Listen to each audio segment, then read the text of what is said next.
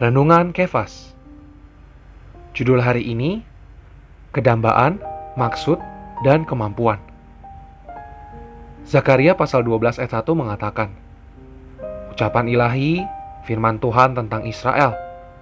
Demikianlah firman Tuhan yang membentangkan langit dan yang meletakkan dasar bumi dan yang menciptakan roh dalam diri manusia.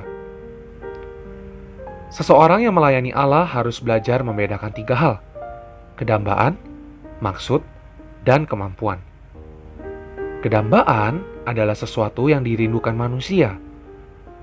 Maksud mengacu kepada apa yang manusia harapkan. Kemampuan mengacu kepada kekuatan yang kita perlukan untuk menggenapkan perkara tertentu. Seseorang yang melayani Tuhan harus ditanggulangi dalam aspek ini jika tidak, akan ada kekurangan dalam pelayanannya. Alkitab memberitahu kita bahwa manusia adalah pusat alam semesta. Tanpa manusia, tujuan Allah tidak bisa tergenapi. Karena itu, sekalipun Allah telah menciptakan segala sesuatu, perhatian dan fokus Allah yang sesungguhnya adalah manusia saja. Sobat Kefas, Hal yang paling sulit bagi Allah untuk didapatkan dalam diri manusia adalah hatinya. Kedambaan untuk melayani Allah itu harus ada dalam setiap orang yang melayani. Yang paling Allah mustikakan adalah kedambaan manusia untuk melayani Dia, dan kedambaan manusia bagi Dia. Bila kita bekerja sama dengan seseorang, hati kita harus terbuka kepada orang itu.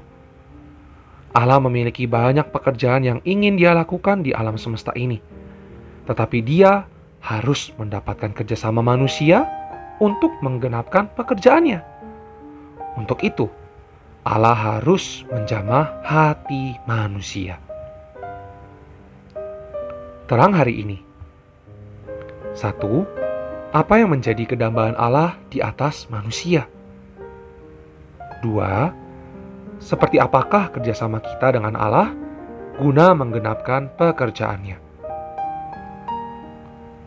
Poin doa Berdoa agar kedambaan untuk melayani Allah itu ada dalam setiap orang.